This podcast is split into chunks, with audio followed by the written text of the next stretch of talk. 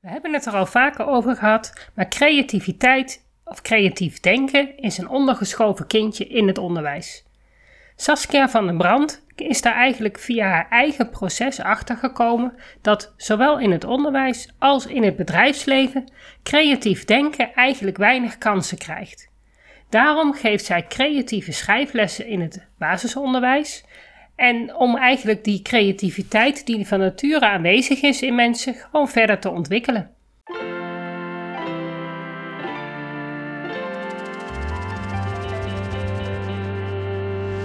Welkom bij de Beelddenkers podcast. Ik ben Natasja Esmeijer van Beeldig Brein en de schrijfster van het boek Beelddenkers als kwartjes vallen. Ik neem jullie mee in de wereld van de beelddenkers. Beelddenkers zijn creatieve, intelligente en zorgzame mensen, maar ze hebben moeite met onze vluchtige, snelle maatschappij. Dat begint al op school en het werkt door in het werkende leven. Ik ga in gesprek met leerkrachten, ouders van beelddenkers en met de beelddenkers zelf natuurlijk.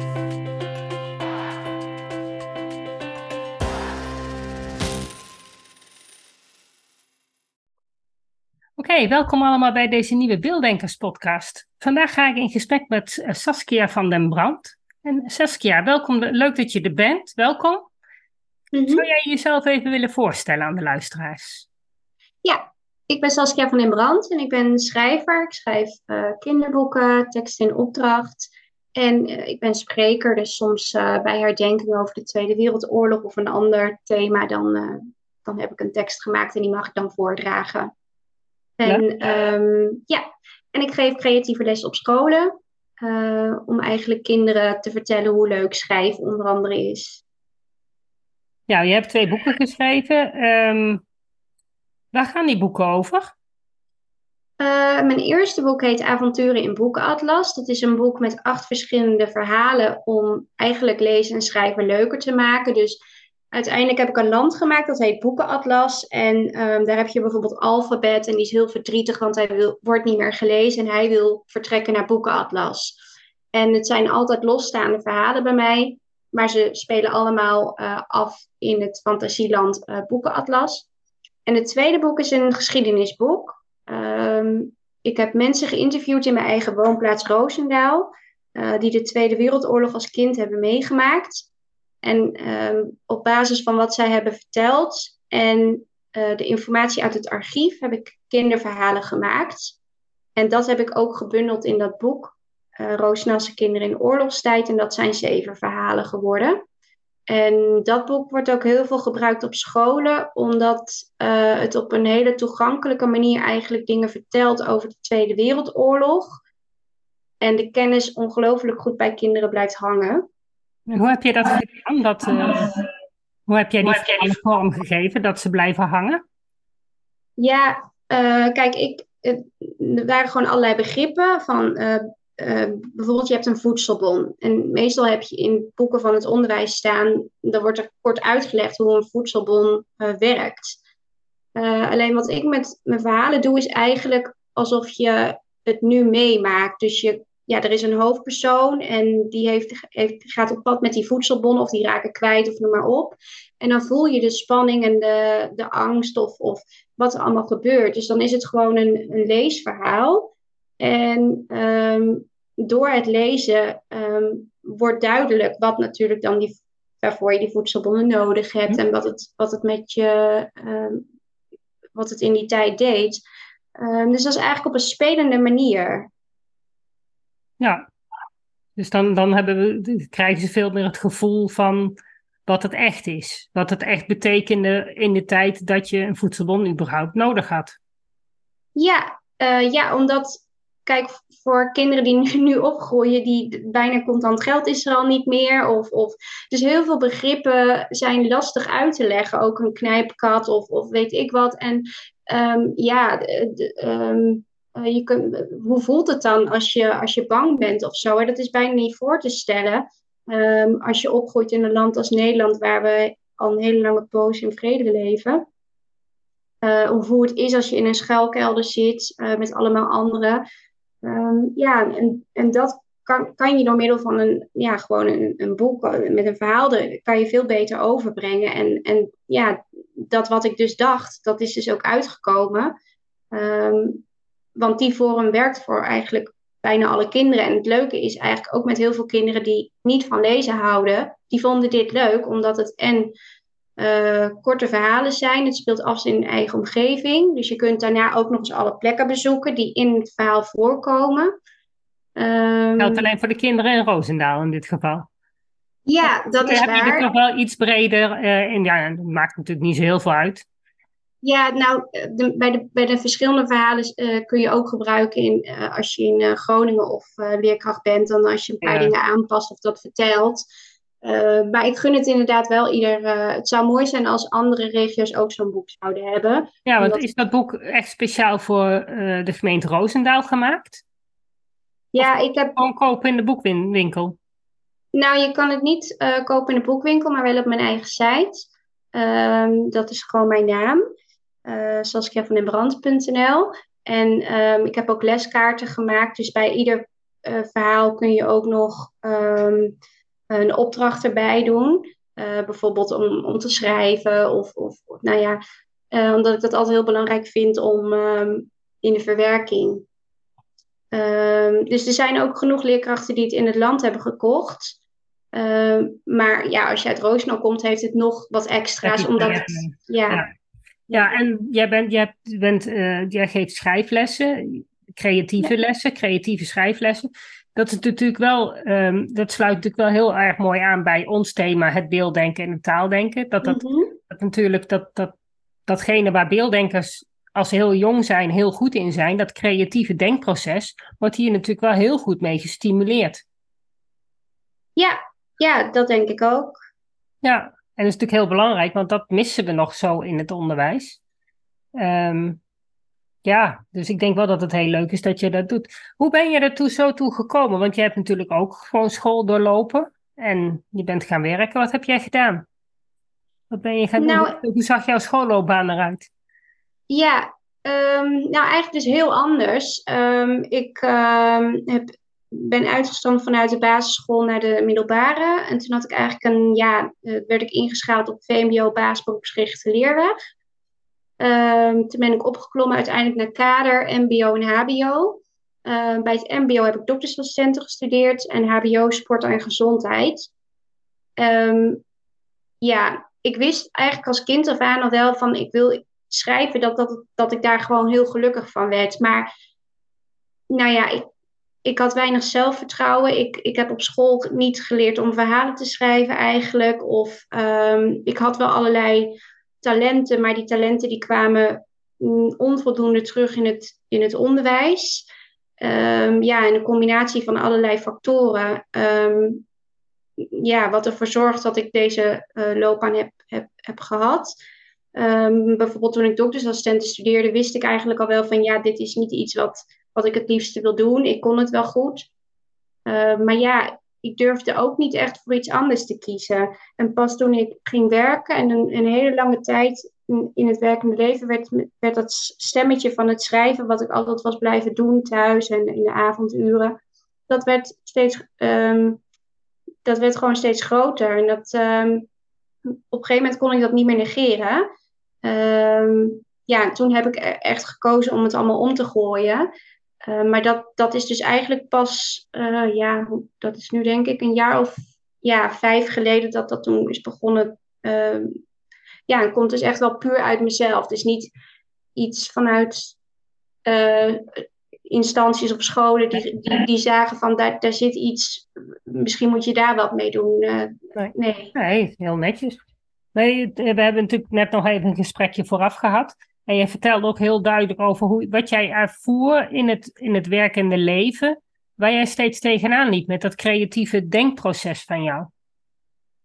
Ja, nou, als er vaak een probleem is, dan kijken we vaak naar de weg die we al een keer hebben gehad. Um, eigenlijk bij alles uh, wel.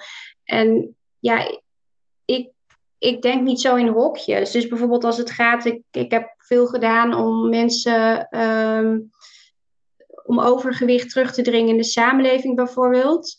En dan um, ook bij kinderen. En dan vooral heel veel is er gericht op ga maar sporten of zo. Maar op een gegeven moment is de groep kinderen die al sporten, die is al best wel groot. Die kinderen vinden het gewoon leuk en dat is ook prima.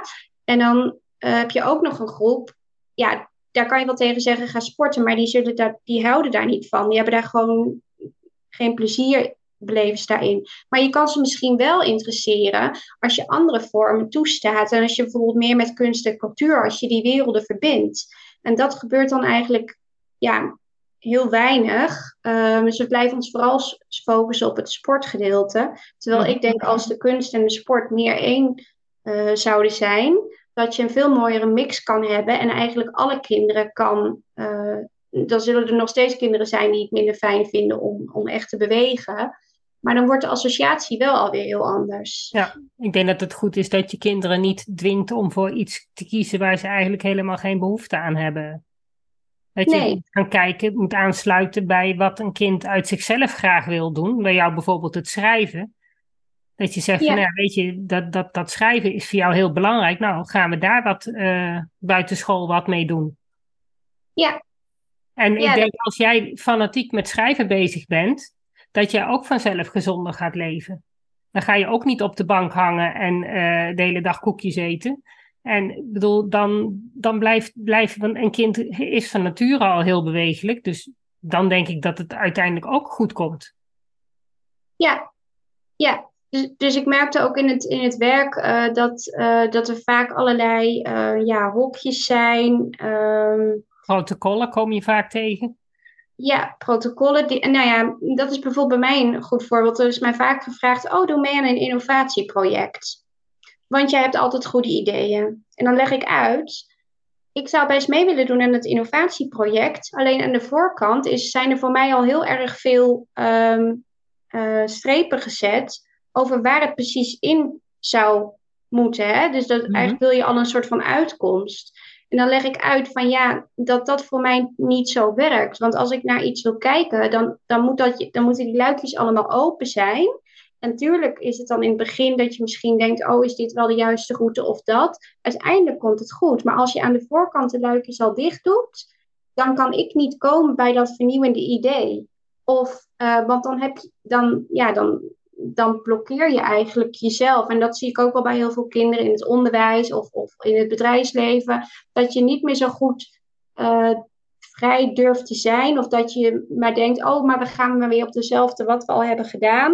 Uh, want dat kennen we. Of, dus dat je maar minimale veranderingen durft door te voeren. Terwijl het soms veel makkelijker is eigenlijk. Of, of grotere resultaten kan bereiken als je wel een keer die stap zet. En natuurlijk kan het zo zijn dat je dan uh, dat je een keer iets hebt dat het, uh, dat het misschien niet helemaal ja, goede uitkomst heeft. Maar... Ja, precies. Maar dan, ja, ik zie dat dan altijd maar als een. Dat is, heb, dat is dan weer een fase. En die fase heb je soms nodig om weer naar het volgende te gaan. Het is niet voor niks dat natuurlijk heel veel um, um, mensen die later heel succesvol zijn geworden, altijd zijn uitgelachen. Omdat ja, zij bedachten iets waar de meeste mensen nog niet nee. uh, een voorstelling van kunnen maken. Nee. Maar zij al wel. Om echt innovatief te zijn, moet je fouten durven maken.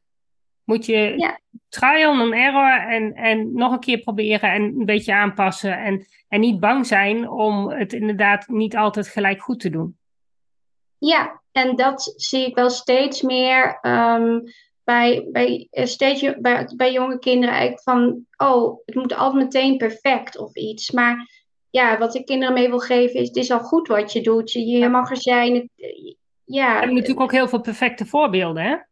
Alles, het speelgoed wat ze hebben is al perfect vormgegeven. Ja. De, de, de, wat ze in die gamewereld allemaal zien, gaat allemaal perfect. Dus daar wordt, ja, natuurlijk zitten er spelletjes bij waarbij je inderdaad soms moet uit, uitzoeken hoe het werkt en die, die creativiteit wel bevorderd wordt. Maar heel veel zijn natuurlijk gewoon recht toe recht aanspellen waarbij je, ja, die fouten niet meer hoeft te maken. Nee, nee, dat klopt. Ja, en dat is, dat is nou juist zo leuk bijvoorbeeld aan het schrijven van verhalen. Ja, daar, ja. daar kan je het allemaal in creëren, zoals het um, en levenslessen eigenlijk kinderen. Um, door die lessen leren kinderen ook dingen die gewoon waardevol zijn voor de rest van je leven. Ik denk dat je anders tegen de dingen aan gaat kijken ook. Dat je anders gaat nadenken over uh, een onderwerp. Van, oh ja, maar als je inderdaad een fantasieverhaal ervan moet gaan maken, ja, dat, dan, dat, dat opent weer nieuwe breingebieden. Ja, zeker. Want je gaat bijvoorbeeld soms denken van waarom is altijd, uh, ik noem ze maar wat, in een ziekenhuis uh, uh, zijn de bedden zo, kan dat niet, ja, kan dat niet in een andere vorm? Of is dat wel het beste? Dat zijn kleine dingetjes, maar door jezelf dat in ieder geval toe te staan of die vragen te stellen, nou ja, dan is het eigenlijk alweer een zaadje wat geboren is. Ja, zeker. Ja, en dan merk je dat het vaak ook een proces is. Hè? Dat merken wij ook. Wij planten natuurlijk ook zaadjes. Mensen hebben ook een tijd nodig om aan een idee te wennen. Ja. En dan, maar ja goed, dan, als dat zaadje nooit geplant wordt en geen water krijgt, ja, dan wordt het niks. Nee. Dus nee. ja, het is wel goed, denk ik, om kinderen jong ook zelf na te laten denken. Dat is ook echt wat in het, in het onderwijs, denk ik, nog wel mist, maar ook wel in het bedrijfsleven de, de, de, de ruimte en vrijheid inderdaad om tot een nieuw idee te komen. We hebben, een tijdje geleden zijn we ook bij Stichting Hoogbegaafd, hadden ze een, een, een. Mechatron, weet ik hoe het heet. Maar ja, daar, daar had ik ook zoiets. Het was, zo, het was zo eng. Het was zo vormgegeven. Nu gaan we dit doen, dan gaan we dat doen, dan gaan we zus doen, dan gaan we zo doen. En er moest een uitkomst zijn. En dan denk ik van ja, maar je hebt er niet eens rustig over na kunnen denken het, het wordt gegoten in een bepaalde route. Ja. En dan, ja, en dan is het klaar. En dan denk ik van ja, nee, maar het is nu nog maar net begonnen. Wil je hier iets mee? Ja, dan zul je meer informatie nodig hebben en meer dingen erbij moeten betrekken. Maar nu hebben we helemaal geen eh, informatie. De informatie die je hebt, die kun je er niet in kwijt, want het moet allemaal maar door. Dus ja. dat is dan, vind ik dan een beetje, een beetje zinloze tijdsbesteding, want daar komt eigenlijk niks uit. Ja, we willen eigenlijk gewoon een, een soort van uh, bierveeltje en dat je daar de uitkomst al op kan schrijven. Ja. Geen risico's lopen. Um, ja, en dat, dat is een. Uh, dat neemt al zoveel veel, veel plek in beslag. Ja, en dat vind ik wel een. Um, echt een zorgelijke ontwikkeling. Um, want het haalt ook een beetje de speelsheid weg. En het, heel veel talenten van, van allerlei kinderen, volwassenen, komt eigenlijk dan onvoldoende naar voren. Ja. Nou ja, dat is denk ik op de werkvloer ook heel sterk. Dat je, ja, je hebt jouw taak en jouw stukje van het werk. Maar eigenlijk moet je ook weten wat, daar, wat de rest doet. Wat, wat de functie is van jouw stukje van het werk in het grote geheel. Want ja. dan, en en als, als, nu is het nou, budget hier, budget daar. En uh, dit moet van dat potje, dat moet van dat potje. En dan, dan ineens kunnen, kunnen dingen die niet zo belangrijk zijn, kunnen wel, want daar is budget voor. En dingen die heel belangrijk zijn, ja, daar gaat niet, want dat budget is op. En dat vind ik dan af en toe ook zo jammer. Ze konden bij ons, een voorbeeld van de middelbare school, ze konden niet meer op kamp naar de Ardennen. Wat kinderen echt ontzettend leuk vinden. En, mm -hmm. Maar ze konden wel met een hele dag met de, met, met, met de klas, met de bus naar Luik. Omdat ze daar dan uh, Frans moesten spreken. En dan moesten ze mensen interviewen die dat niet wilden. Ik bedoel, dat, dat is heel tegenstrijdig. Ze, ze leren veel meer van een, een, een paar dagen Ardennen dan met de bus per se. Nou, moet je hier een paar mensen gaan interviewen.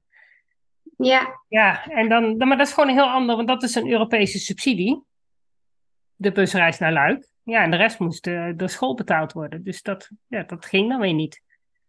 Nou ja, en dat is natuurlijk ook wel een beetje wat, in het, wat ik dan zelf zie. Kijk, creatief schrijven, ik zie dat gewoon als een, een onderdeel van heel, uh, van heel de Nederlandse taal. Mhm. Um, uh, net zoals dat je spelling en woordenschat uh, hebt en lezen. En ja, als je kijkt naar de CITO-toetsen of je kijkt naar um, naar wat er dus dan aan onderdelen van uh, op scholen gegeven wordt aan taal, ja, dan vallen de, het plezier eigenlijk wat je dus kan creëren door creatief schrijven, hè, want daar kan je geen fouten bij maken, daar let je niet op spelling en zo, want dat blokkeert. Um, dat laat je voor een heel groot deel weg. Terwijl juist bij heel veel kinderen door creatief schrijven gaan alle andere gebieden uh, beter. Ja, en uh, nou ja, dan wordt er toch gezegd van ja, maar daar worden wij natuurlijk niet op uh, afgerekend bij de, bij de scores, bij de CITO-toetsen, bij hè, van waarom uh, ouders naar deze, voor deze school kiezen. Ja, en zo heb ja, je eigenlijk... tegen. Ja, want op de ja. middelbare school krijg je wel schrijven, maar dan zijn het e-mails en betogen en dat soort dingen. Maar ja. creatief een verhaal schrijven. Nee, maar ook daarin van, um, ja, ik heb ook wel eens vroeger uh, dat gehad. En dan leer je inderdaad hoe een sollicitatiebrief eruit ziet.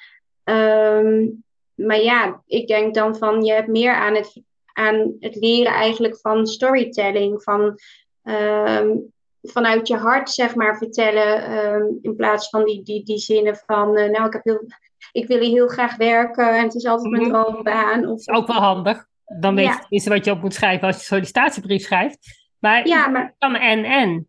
Het, ja, precies. Ja. Ja, Want ja, en... dan leer je volgens mij ook makkelijker om jouw sollicitatiebrief vorm te geven. Want je moet toch altijd dat tussenstukje verzinnen van uh, waarom wil je daar werken en doel. Ja, maar alleen ik denk wel dat als je meer storytelling, dan komt het meer vanuit je hart. Dan, mm. dan denk je niet zo aan die regels en, en, en... Nee, maar als jij een sollicitatiebrief schrijft, die moet ook uit je hart komen. Wil jij, wil jij echt ergens werken, dan moet het uit je hart en uit je gevoel komen. Dus dat stukje, dat, dat, dat stukje creativiteit, die eigenheid die je in een sollicitatiebrief kunt leggen, kun je wel daarmee stimuleren, denk ik. Zeker, ja.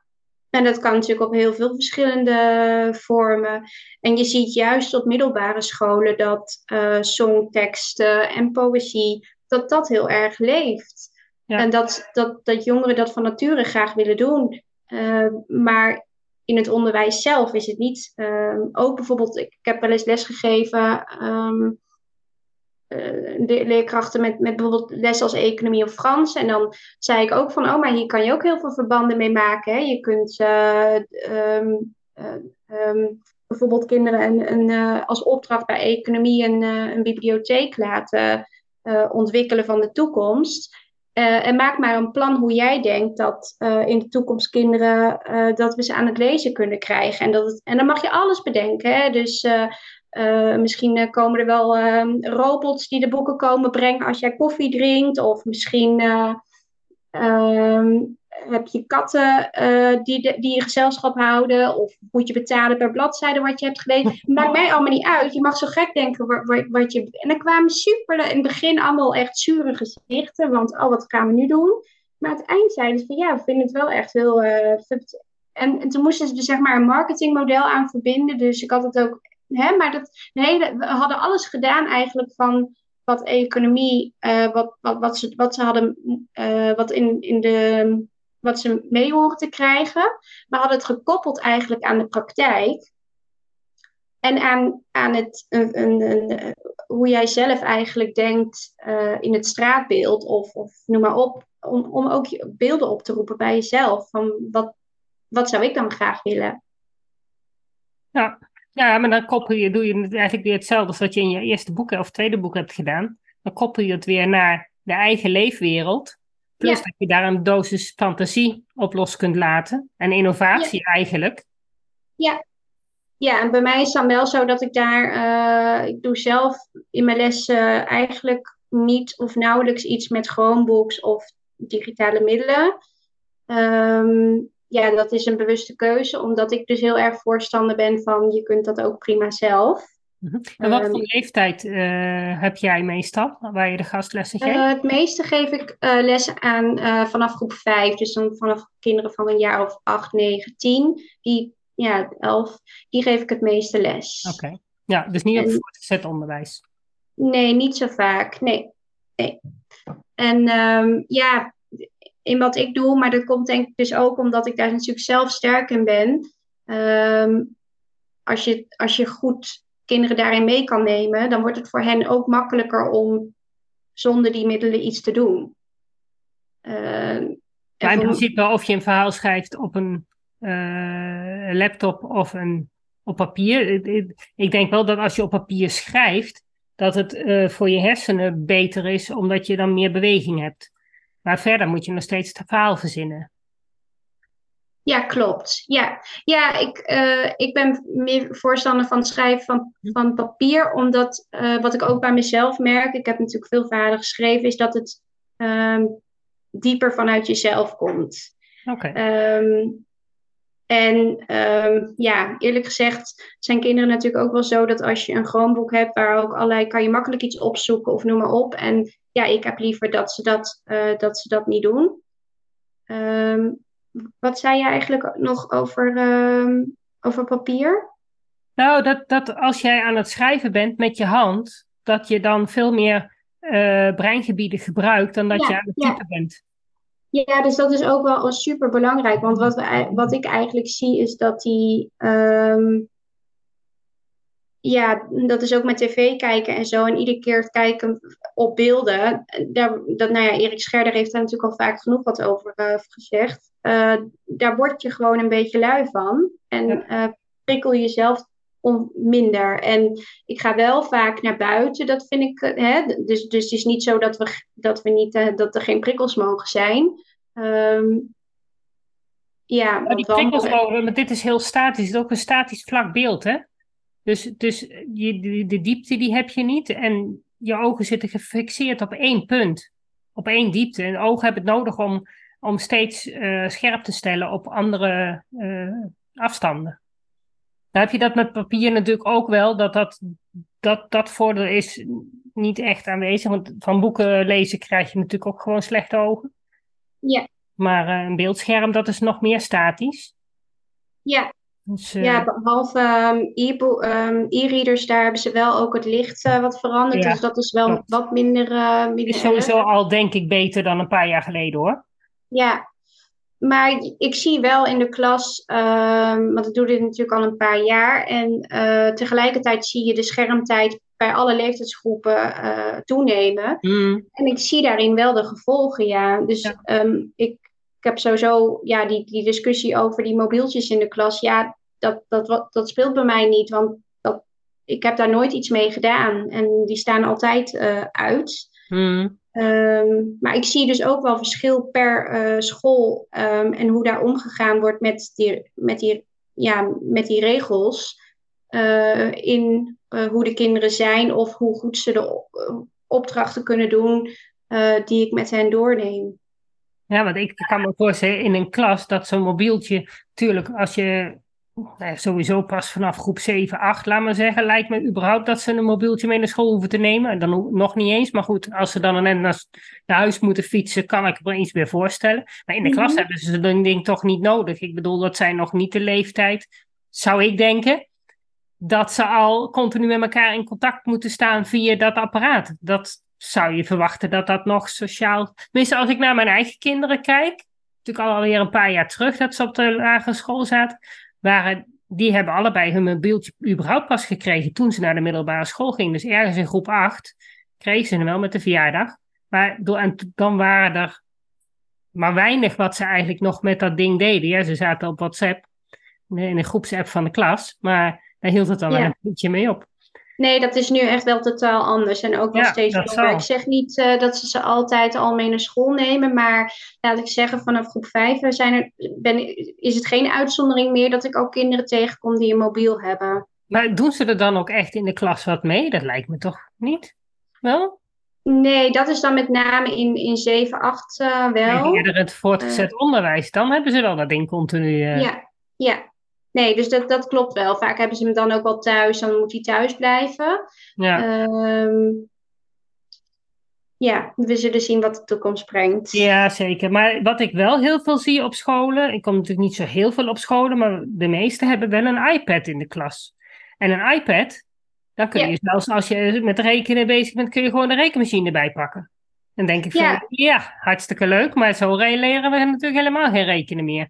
Nou ja, ik zie het ook in, eh, in kleuterklassen. Ehm, daar hebben ze ook tegenwoordig een hoekje waar, eh, waar, waar kleuters eh, even op de iPad kunnen. Eh, er zijn ook heel veel boekjes die digitaal worden eh, gelezen door de klas op eh, eh, iPads. Dus ja, eh, sluipende wijs eh, zijn er al heel veel eh, stappen gemaakt ehm, dat het de klas in komt. Ja. Ja, nee, dat geloof ik. Snapit en zo. Dat zijn allemaal van die, van die eh, programma's waarin ze gewoon met het rekenen... Ja, ja ga maar op Snapit. Hebben ze niet eens geen invulboekje meer. Ik denk van ja, hoe moet een kind dan nog leren hoe die gewoon op zijn eigen manier die rekensom uit gaat rekenen? Want daar zie je ook heel erg dat je dat stuk creatieve onderwijs mist. Dus datgene wat jij ze eigenlijk aanleert met creatieve verhalen schrijven, hebben ze eigenlijk nodig bij de rekenles. Want eigenlijk zou je moeten leren om zelf erachter te komen hoe je iets moet oplossen. En nu wordt het voorgekoud, maar dan moeten ze eigenlijk zelf de kans krijgen om dat zelf ook te ontdekken. Ja, nou ja, mijn eigen vader die is uh, lang uh, wiskundeleerkracht geweest. En ja, hij deed dan altijd van, dan zag hij bijvoorbeeld dat een kind um, het eigenlijk wel snapte, maar de uitkomst was, uh, of, de, of de manier zoals hij er was gekomen, was anders dan wat was uitgelegd.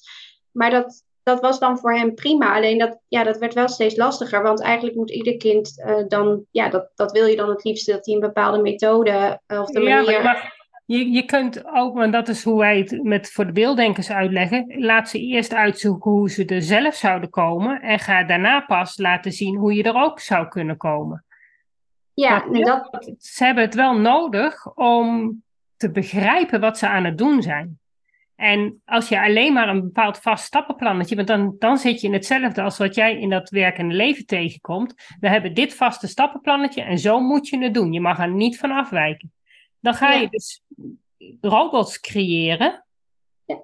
terwijl ze het moeten begrijpen. En de begrijpen is breder dan snappen wel hoe je het stappenplannetje moet toepassen. Klopt. Maar voor veel uh, leerkrachten, ja, dus niet om hen te verdedigen, want uh, ik vind ook dat je die verschillende manieren, dat het gewoon allemaal prima is.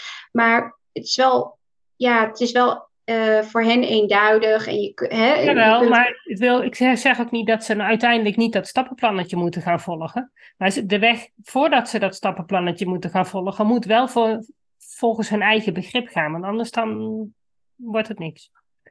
Maar dat, ja. dat, geeft, dat, dat vraagt een stukje flexibiliteit van de leerkracht. Ja, en dat is natuurlijk. Um, nou ja, dat zou je al bij, bij de PABO's en... Mm -hmm. dat zijn we uh, ons zeker van bewust. Maar de PABO's die vinden ook dat ze, dat ze al een prima protocolletje hebben. En die willen ook niet van dat protocolletje afwijken zoals jij dat zo net zo mooi omschreef. We hebben het altijd ja. zo gedaan, dus blijven we het gewoon zo doen. Dat de uitkomst ja. nu voor heel veel kinderen niet goed uitvalt, ja, dat is een tweede verhaal. Maar voorlopig blijven ze nog steeds aan dat vaste protocol vasthouden. En willen zij dus ook nog niet het eens een keer op een andere manier durven proberen. Ja, ja. ja, ja dat, dat is waar we met z'n allen tegenaan lopen. Dus dan komen we toch weer terug op waar jij eigenlijk, waardoor jij dat werkende leven, nou ja, een andere weg in bent geslagen. Ook, ook op de pabo's vinden ze dat ze het doen zoals het zou moeten. En durven ze, durven ze de stap nog niet te nemen, laten we het zo zeggen. Ja, ja, nee. Um, ja, in dat opzicht blijft dat uh, voor mij ook altijd wel iets in, eigenlijk met, met, in heel de samenleving, van dat je daar toch wel ook tegenaan loopt, vaak tegen het, het anders denken of een andere manier tot iets komen. En ja, vaak heeft dat wel tot gevolg dat je eerst uh, nee hoort. Ja, en als het er dan eenmaal is, Um, zoals bij het geschiedenisboek bijvoorbeeld, ja, dan, dan is iedereen heel blij. Maar het heeft ook wel een beetje mee te maken dat het voor sommigen lastig voor te stellen is wat het eindresultaat zal worden. Ja. Terwijl dat voor mij eigenlijk uh, klip en klaar uh, ja, is. Ja, bij jou zat het in je hoofd. Jij was dat proces al door en jij wist het eindresultaat. En voor hun is die kunnen vaak dat proces niet mee. Nee. En dan, nee, het is inderdaad heel anders. En ja, dat, dat, dat vinden ze eng. Alles wat anders is, is eng. Ja, ja. Ja, nee, dat klopt. Ja, en dat, dat, dat kom je op heel veel plekken tegen. Maar ja, goed, aan de andere kant, als we nou gewoon naar die energietransitie bijvoorbeeld kijken, hebben we juist wel durf nodig op heel veel verschillende manieren. Want de, de hele maatschappij loopt zo vast op zoveel plekken. We moeten ja. wel op een gegeven moment durven gaan proberen ja, ik, ik ben dus, ik zeg ook altijd, ieder kind is een kunstenaar en iedere volwassene uh, zit een kind. ehm, ja, dat volwassenen die zouden weer wat meer mogen spelen. En, en bij kinderen dat we ook wel met wat ze ook doen van nature heeft, hebben kinderen de oplossingen, zijn ze creatief en noem maar op. En het is aan, aan ons als volwassenen om te zorgen dat ze dat ook blijven. Ja, en daarom moet die wiskundeleraar flexibel zijn in hoe gaan we deze opdracht oplossen? Is deze oplossing goed? Ja, oké, hoe doen, hebben we het afgesproken? Ja, op een andere manier, maar in eerste instantie is het wel goed. Ja. Dus dan, je hebt toch, zolang jij, als je alles maar in dat ene dingetje wil blijven, iedereen hetzelfde weggetje moet laten volgen, ja, dan, dan krijgen we alleen dieren en daar hebben we niks aan. Ja, die hebben we ook nodig, maar er is ook niks mis mee met uh, de kinderen die wel het systeem gewoon goed kunnen volgen. Daar is dat systeem prima voor. Dus het onderwijs op zich is prima, alleen niet voor die bepaalde groep kinderen die het net even anders doet. Ja, en het is natuurlijk ook wel zo dat het aantal kinderen wat uitstroomt of thuisonderwijs krijgt ook wel, al wel toeneemt. Dus het, mhm. zou wel goed zijn om de signalen ook serieus uh, te nemen en daarnaar te kijken. Ja. Want het is wel iets, de samenleving is, ja, kijk, eigenlijk ons onderwijssysteem is natuurlijk in grosso modo is het al honderd jaar hetzelfde. Mm daarom. Het is geperfectioneerd op, op die ene doelgroep, het gemiddelde kind. Maar het, uh, daardoor vallen er steeds meer buiten de boot. Ja, ja, en dat is ook zo, um, bijvoorbeeld, uh, ja, dans komt uh, niet bovenaan aan de lijst, lijstje staan, maar dans um, en taal werken bijvoorbeeld heel goed samen. Dus is, eigenlijk hoort dans misschien wel veel hoger te staan. Alleen, ja, wij denken niet bij dans aan een taal. Nee, nee ja, schrijfdans hebben we dan nog, ergens in de kleuterklas. Maar dat is dan het enige maar nee, je hebt gelijk. Er zijn heel veel. Uh, ik denk wel dat het lastig is, om, want voor de ene persoon is dans iets wat heel erg aanspreekt. Van de andere persoon die wil liever viool spelen. De volgende die, die, die gaat liever sporten. Dus dat is best lastig om al die verschillende vormen aan te bieden. Mm Maar ik denk wel dat er meer ruimte voor zou kunnen zijn. Ja, er is natuurlijk al wel heel lang bekend dat als um, eigenlijk al vanuit het slavernijverleden natuurlijk, ja, dat is niet het leukste voorbeeld eigenlijk om te vertellen, maar dat als je uh, met elkaar uh, een lied uh, zingt en je doet dat in een ritme, dan gaat het werken op het land een stuk beter. En we weten dus ook bij kinderen dat als je een, in de maneschijn met alle figuurtjes en noem maar op, dat dat heel goed blijft, blijft hangen. Ja. Dus um, taal inzetten met uh, gebaren. En ik weet inmiddels, heb ik ook van um, um, in mijn omgeving gehoord, dat er zelfs scholen zijn die experimenteren met uh, Frans te leren in gebarentaal. Omdat je, en, en dat als eerste doen, omdat dat dan uh, blijkbaar makkelijker gaat om, om Frans te leren. Oké. Geloof dat dat oorspronkelijk uit Canada komt. Um, maar dat vertelde, uh, mijn kapper vertelde dat haar kinderen op die manier nu Frans leren.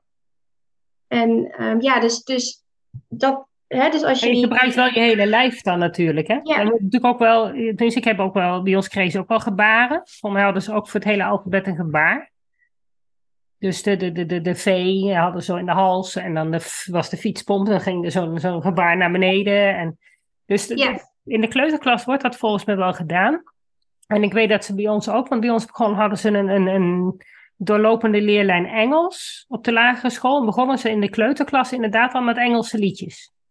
Ja. Ja, en dat, dat, dat werd eigenlijk zo uitgemaakt, maar heel veel in het begin met liedjes inderdaad. Ja, ja, dus je ziet wel dat, die, dat de ontwikkeling, uh, dat, dat, ook wel weer, dat het ook wel komt. Ja, nou ja, komt, ja. volgens mij blijft het wel heel erg kabbelend hoor. Ja, ja de, de echte doorbraak zoals je dat, dat, dat zou dan nog wel uh, ja. mogen komen. Maar ja, dat, dat geldt wel op meer gebieden zo. Dat is met heel veel gebieden. Want ik denk dat het op, pas als het het probleem is, dan ga je het weer opleggen. En een school kan niet alles. Je moet nee. ergens voor kiezen. Je kunt niet en Montessori zijn en uh, alles met gebarentaal gaan leren en ook nog uh, de, de, de, de, de liedjes erbij. En je, dan ben je de hele dag bezig met, met van alles en nog wat. Zou wel kunnen, denk ik, maar dan heb je een hele andere soort onderwijs. Ja, ja. Nou, misschien kunnen we wat verzinnen, maar er zijn al zoveel soorten onderwijs. Ja, dat, dat, uh, dat ben ik met je eens. En um, ja, met het individueler worden van de samenleving, um, ja, is, is het al steeds lastiger om uh, ook voor de huidige stromingen om nog ergens bij, uh, bij aan te sluiten. Ja, en het is wel goed dat je natuurlijk ergens een soort van begin en, hebt. En het is natuurlijk dat, kijk, zelfs Montessori, Dalton onderwijs, die maken nog steeds gebruik van dezelfde rekenen- en, en leesmethodes. Dus dat vervaagt juist alleen maar steeds meer, heb ik het idee van. Dus echt die, die oude zienswijze van Montessori worden lang niet op alle Montessori-scholen uh, helemaal uitgevoerd zoals het ooit bedacht is. Nee, klopt. Dat is mij laatst ook opgevallen. Ja, um, en daar, daar schrok ik ook wel een beetje van. Uh, terwijl de um, openbare scholen en de van oorsprong katholieke scholen voegen weer wel juist weer wat meer Montessori nu toe. Ja. Um, dus ja, dat. Um, ja, dat... Ik denk dat de echte kennis van, uh, van het, het uh, lerende brein, dus hoe verschillend die, die kinderen, uh, die onderwijsbehoeftes die er zijn, daar wordt te weinig naar gekeken. Ze hebben een, een visie, weinig hoe gaan het op deze manier doen. En alle kinderen moeten het eigenlijk op die manier doen. En je kunt een, een onderwijssysteem maken wat voor een x-aantal kinderen perfect is. Maar er zijn altijd kinderen die het op een andere manier doen. Dus je zult een flexibel onderwijssysteem moeten gaan creëren. Waarin de aandacht is voor en het creatieve en het rechtlijnige en ja. het uh, Nou, en, de, en daarom zou het dus ook goed zijn, is dat je hebt nu natuurlijk vaak een vaste leerkracht. Je hebt hooguit nog een, een muziekleerkracht, uh, uh, een gymleerkracht. Is dat ja, dat het ook gewoon oké okay kan zijn van, nou nee, dit stukje, dat, uh, ik noem ze maar wat, creatief schrijven, of dat kan een of geschiedenis, rekenen, of rekenen. Of rekenen. Daar, daar hebben we iemand anders voor. En uh, dat, dat, dat dat wat normaler wordt. Want je, ja, ik ben ook niet goed in alle. Ik doe alleen maar eigenlijk waar, waar ik zeker van weet, daar kan ik het verschil maken. Ja. Dat, dat doe ik met kinderen. En Ja. ik ga niet iets doen uh, wat te ver buiten mijn uh, zone ligt. Daar zijn anderen beter in. En, en ja, dat, dat, dat gun ik eigenlijk wel het onderwijs en ook de kinderen. Ja, ik heb toevallig laatst met iemand een podcast opgenomen.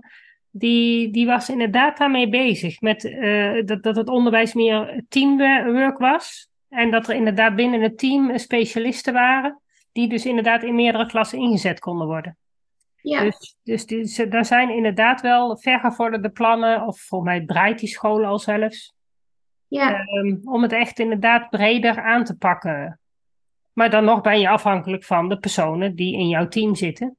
Mm -hmm. Ja, dus maar goed, dat kan je dus, dat zou dus ook een soort van, ja, ik weet wel dat er een tekort is of iets. Hmm. Uh, maar toch zou je daar ook al een beetje rekening mee ja, kunnen. maar toch, er is een tekort. Maar waarom is er een tekort? Omdat juist dat vak uh, leerkracht ook te weinig autonomie biedt.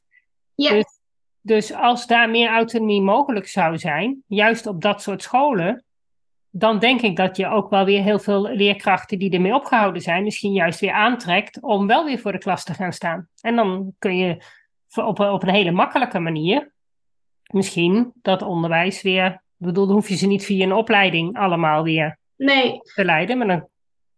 Ja. Ja, en er is natuurlijk, in feite zou er geen tekort zijn als alle leerkrachten die uh, de studie hebben voltooid. En, -hmm. en aan, er is een heel groot percentage wat uitstroomt in de eerste ja. jaren. Dat is ook in de zorg zo. Dus, dus, ja, in principe is er geen gebrek aan mensen die belangstelling hebben om les te geven. Nee, en ook niet de, die het papiertje hebben die het zouden mogen doen. Ja. Dus ja, volgens mij moet, kunnen we daar heel veel winst behalen in het lerarentekort. Ja. En denk ik inderdaad, wat je zegt, ook in de zorg. Als je dan hoort dat je 30% van je tijd kwijt bent met, uh, met papiertjes invullen, ja, daar is ook niks aan. Nee, nee, maar ja, dat, ja, dat, dat, nou ja, dat, dat, dat wordt ook dus heel vaak door, door ja, mensen bedacht die niet vanuit de werkvloer uh, mm. uh, komen of daar. Ja, en. en um... ik heb toen uh, de, de, een, een, uh, een webinar gezien van uh, de twee onderwijsministers mm -hmm. over het lerarentekort. Het enige waar ze op kunnen komen is zij-instromers en een hoger salaris. Dan denk ik van ja, dat is niet, daar ligt niet het probleem. Dat is niet de oplossing, waardoor mensen ineens denken, nou dan ga ik wel voor de klas staan.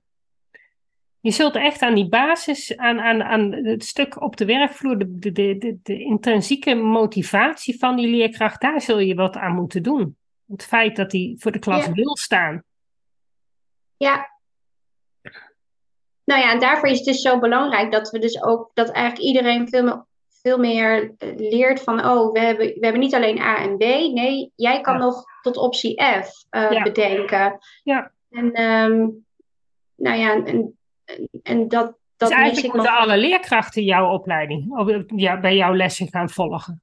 Ja, dat- dat is ja. ook wel, ja, dat is ook wel iets waar ik steeds meer over nadenk. Omdat ik dus merk eh, dat als, hè, dan heb ik die les gedaan en leerkrachten mogen ook altijd meedoen. En ja, dat, dan, dat ze dat dan toch ehm, eigenlijk meer training voor nodig zouden hebben om dat, om dat goed te doen. Omdat bijvoorbeeld soms is ook met het, ja, eh, het, kun, het durven spelen is heel ver weggezakt. Dat, dat, dat zit er wel ergens. Alleen, nee, je bent zo gewend om te denken in, in de protocollen. In, oh nee, nu eh, dit. ehm, Ja, ja maar dat hebben ook veel protocollen, hè, die leerkrachten. Zeker. Want we hebben natuurlijk nou weer uh, laatste opleiding gehad in de zomervakantie. En dan, dan de, wat ik dus de hele tijd terughoorde was, ja, hoe ga ik dit verkopen aan mijn collega's?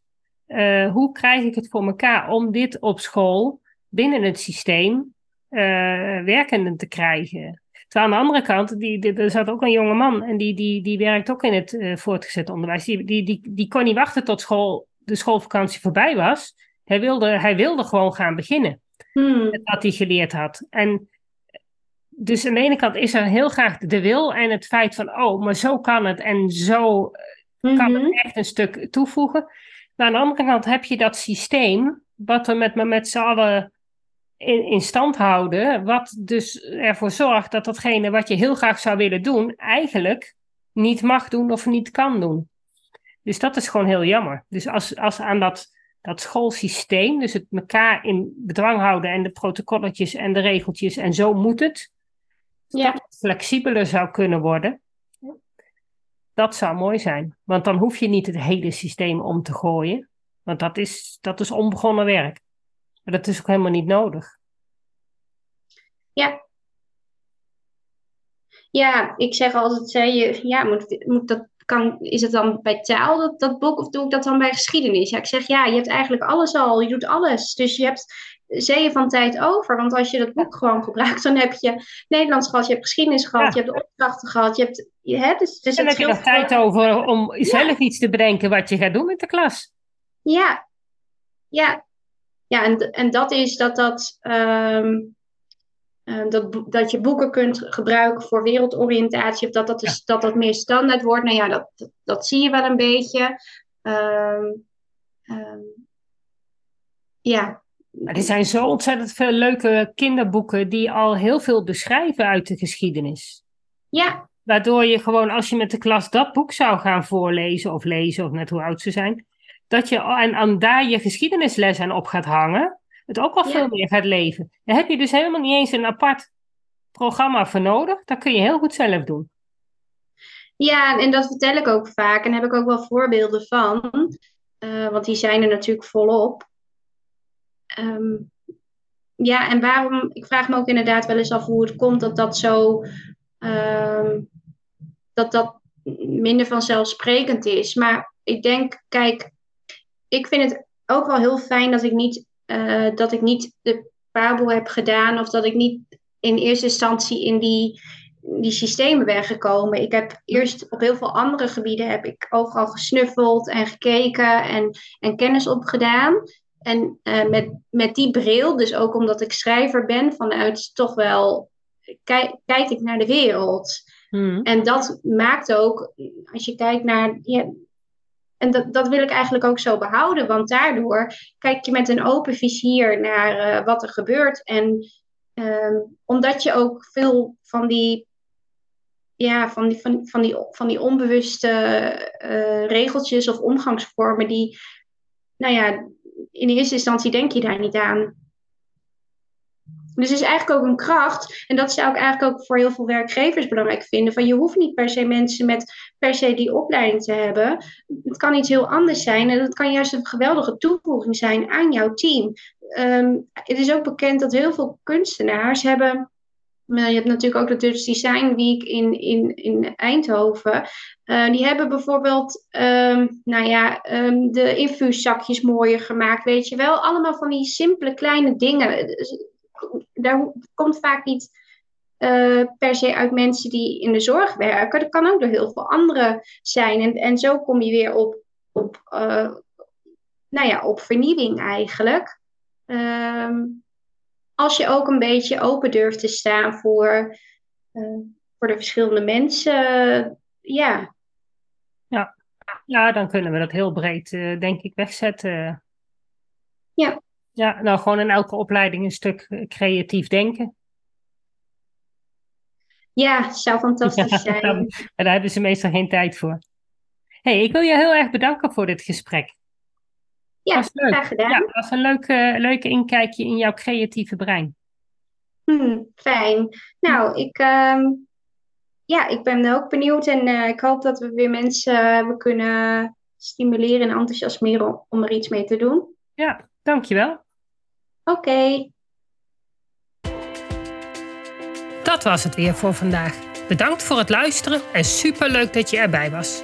Ik hoop dat je weer een beetje meer ontdekt hebt hoe gaaf, maar ook hoe lastig het kan zijn om een beelddenker te zijn in een wereld die is ingericht voor taaldenkers.